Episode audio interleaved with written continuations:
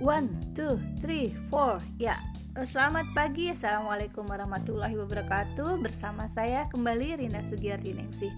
Oke, sebagai guru pembelajar tentunya kita harus terus belajar. Bagaimana berinovasi dengan media pembelajaran sehingga lebih mudah dan menyenangkan.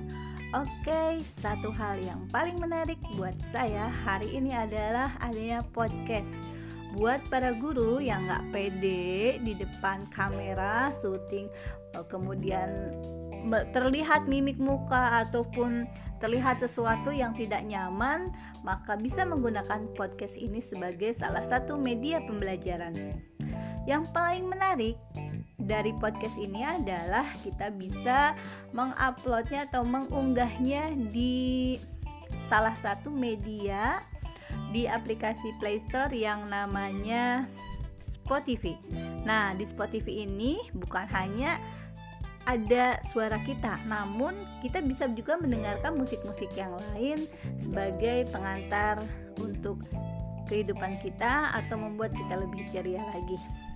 Oke, buat para guru yang hebat, baik kita akan coba apa sih yang namanya podcast. Yuk, simak podcast saya selanjutnya.